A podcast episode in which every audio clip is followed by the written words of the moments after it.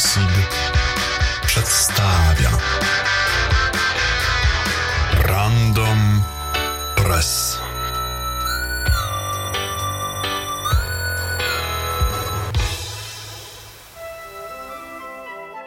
Po wyborach przyjdzie grudzień, a po grudniu przyjdzie luty. Rozchmurz się, użytkowniku, na chleb zbierz kryptowaluty. Witam w kolejnym niespecjalnym odcinku podcastu Random Press, chociaż w specjalnym dniu, bo tuż po wyborach do Sejmu i Senatu Rzeczypospolitej Polskiej. W dzisiejszej audycji usłyszymy co nieco o kłopotach kryptowaluty Libre, hasłach dostępowych ważnych figur w świecie Unixa, udostępnianiu wiadomości WhatsApp brytyjskim służbom, eksploicie Zero Day dla Androida i poradach Stewarta Sierry odnośnie argumentów funkcji. Zaczynamy. Dwie ciekawe sytuacje z facebookową kryptowalutą Libra. Jak donosi serwis Ars Technica, na kilka dni przed zeszłopiątkowym spotkaniem Libra Association, czyli organizacji, która w zamyśle ma zajmować się kontrolowaniem tego wirtualnego środka płatniczego, z udziału wycofali się prawie wszyscy operatorzy kart płatniczych, między innymi Visa, Mastercard i Stripe.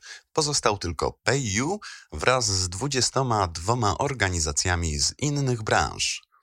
Kolejną wartą odnotowania sprawą jest niechęć użytkowników zdecentralizowanych kryptowalut, takich jak Bitcoin czy Ethereum, do pomysłu Facebooka. Podchodzą oni nieufnie do środka, który miałby być kontrolowany przez prywatny biznes, a nie przez użytkowników.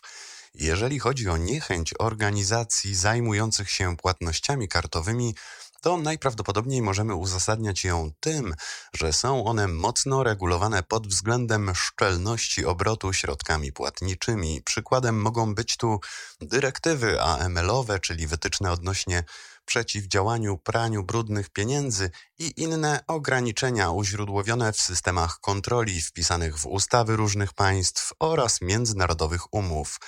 Facebook, jak donosi Ars Technica, nieco opieszale podszedł do tematu i nie przedstawił na tyle obszernej dokumentacji, żeby przekonała sumiennych kupców ze świata konwencjonalnej finansjery. Warto przypomnieć, że od opublikowania przez społecznościowego giganta planów wprowadzenia własnej cyfrowej waluty, przedstawiciele niektórych państw wyrażali obawy, iż wpłynie ona negatywnie na ich gospodarki i zachwieje kursami narodowych walut. Serwisie The Hacker News możemy przeczytać o ciekawym projekcie programistki Lei Neukirchen. W roku 2014 znalazła ona w sieci plik z nazwami użytkowników i hasłami pochodzącymi z jednego z systemów typu Unix. Nie byłoby w tym nic dziwnego, gdyby nie fakt, że zbiór zawierał loginy sugerujące, iż w systemie urzędowały takie sławy jak Ken Thompson, współtwórca pierwszego Unixa, Stephen Bourne, twórca popularnej powłoki Bash, Brian Kenigan, jeden z twórców języka C, Dennis Ritchie, drugi z twórców języka C i Bill Joy, jeden z założycieli Sun Microsystems i twórców języka Java, czy Eric Schmidt, pierwszy prezes Google'a. Hasła w pliku PASWD, który programistce udało się zdobyć, były zaszyfrowane z użyciem funkcji krypt, która korzysta z nieco przerobionego symetrycznego algorytmu DES z odpowiednim ciągiem zaburzającym, czyli tak zwaną solą.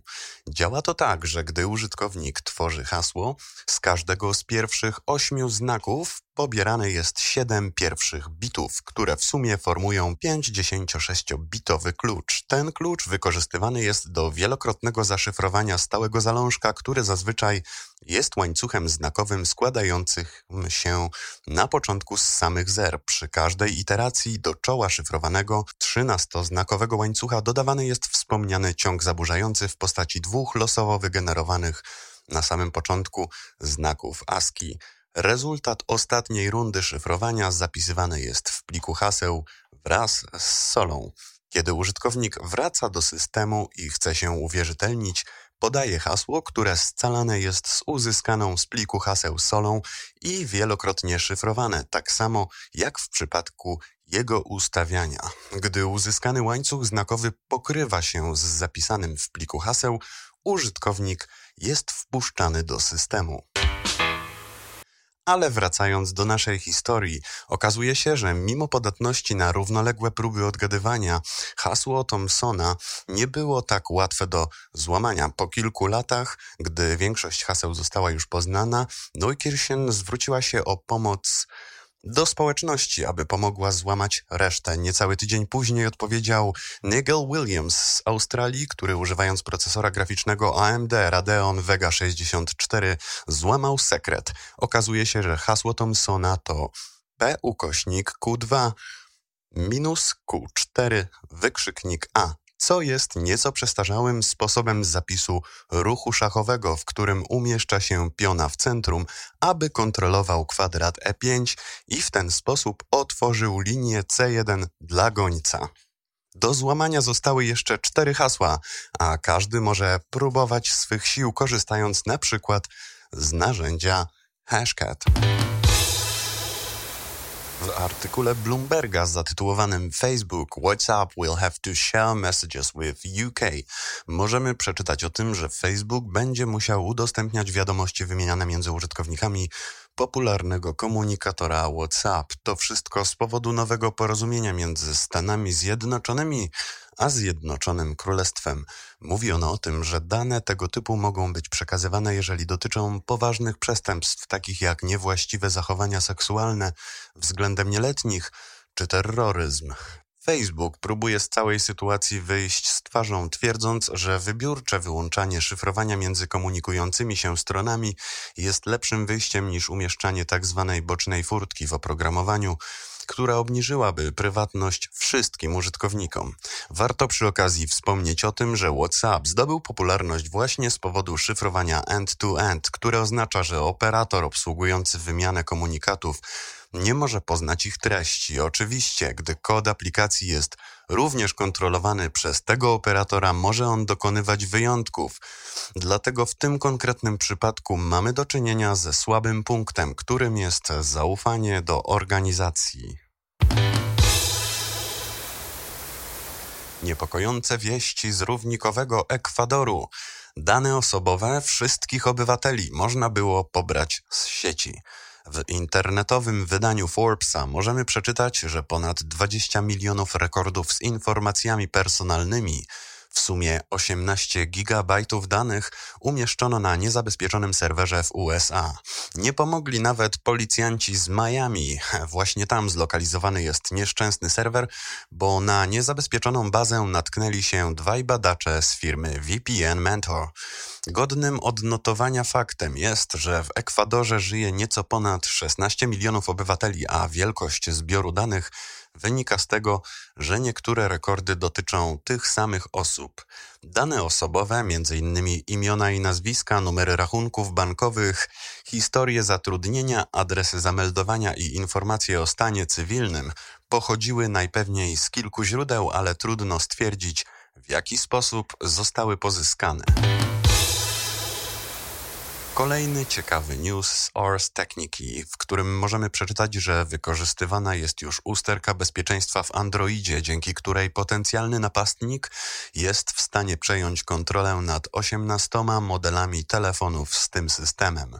Przyczyną problemu jest błąd w kernelu, a dokładniej w podsystemie odpowiedzialnym za obsługę wielowątkowości w mechanizmie komunikacji międzyprocesowej Binder – Okazuje się, że struktura danych reprezentująca kolejkę oczekujących zadań jest usuwana, gdy dany wątek zakończy pracę z użyciem operacji Binder Thread Exit, lecz wskazanie na zajmowaną przez strukturę kolejki przestrzeń pamięciową nie jest zerowane w nadrzędnej strukturze Apple.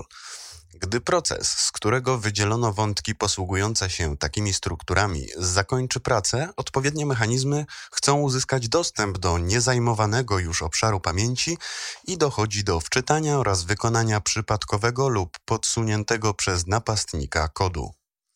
Możemy więc powiedzieć, że mamy do czynienia z błędem typu use after free, który efektuje podatnością na występowanie błędów bezpieczeństwa typu LCE, czyli lokalnego wykonywania dowolnego kodu, i PE, czyli rozszerzania uprawnień, ponieważ odbywa się to w przestrzeni jądra systemowego. Mechanizmy ochronne, takie jak Sandbox czy Selinux, nie mogą więc za wiele zdziałać. Aby wykorzystać usterkę, należy nakłonić użytkownika do pobrania i uruchomienia odpowiednio spreparowanej aplikacji.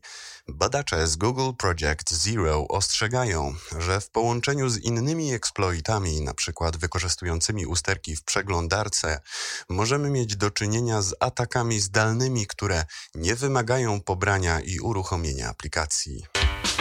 Podatne na ataki modele telefonów to Pixel w wersji 1, 1XL, 2 i 2XL, Huawei P20, Oppo A3, Moto Z3, Oreo LG, Xiaomi Redmi A1, 5A i Note 5, a także Samsungi S7, S8 i S9. Chociaż o usterce wiadomo od roku 2018, to z nieznanych przyczyn poprawki nie zostały wprowadzone we wcześniejszych aktualizacjach bezpieczeństwa. Stosowne zmiany pojawiły się dopiero teraz i już są dystrybuowane. Stuart Sierra to jedna z figur odpowiedzialnych za rozwój języka Clojure. Współpracuje z Richiem Hickeyem, twórcą języka, a także innymi programistami zorganizowanymi w firmie Cognitect, którą uważa się za emanację zespołu odpowiedzialnego za język w świecie przedsiębiorczości. Stewart prowadzi bloga, w którym raz na jakiś czas publikuje innymi wpisy z serii Clojure Do and Don't, czyli praktyczne wskazówki dotyczące tego, jakich konstrukcji używać, a jakich unikać. 15 września ukazała się kolejna notatka, która poucza nas o tym, żeby tam, gdzie to możliwe, unikać stosowania argumentów numerowanych w tak zwanych lambda wyrażeniach, które w Cloudzie tworzy się z użyciem makraczytnika złożonego z nawiasów poprzedzonych symbolem kratki. Lambda wyrażenia są zwięzłym sposobem tworzenia małych funkcji anonimowych, w których odwołujemy się do argumentów przez podanie ich numerów poprzedzonych symbolem procentu. Autor wpisu przekonuje, że zapis taki jest nieczytelny i najlepiej, gdy ograniczymy się do użytkowania lambda wyrażeń, które mają tylko jeden argument, ponieważ w innym przypadku utrudnia to zrozumienie kodu podczas późniejszej analizy przez programistę. Porada jest więc taka, żeby korzystać z formy fn i argumentów nazwanych do wyrażania funkcji anonimowych, które mają przyjmować wiele argumentów wszystko na dziś. Do usłyszenia niebawem, a tymczasem pozdrawiam i życzę miłego tygodnia. A kastodianami dzisiejszego odcinka są Mariusz W. i Daniel J.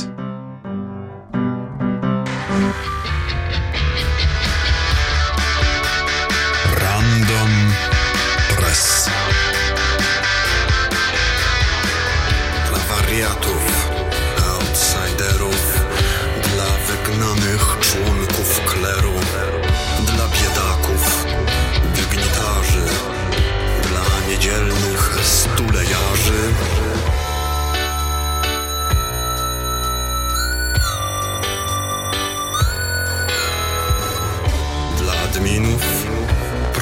programistów, agile'owych teamów 300, dla DevOpsów pentesterów, top-notchowych bug hunterów, dla hakierek i hakierów, klożurystów i lisperów.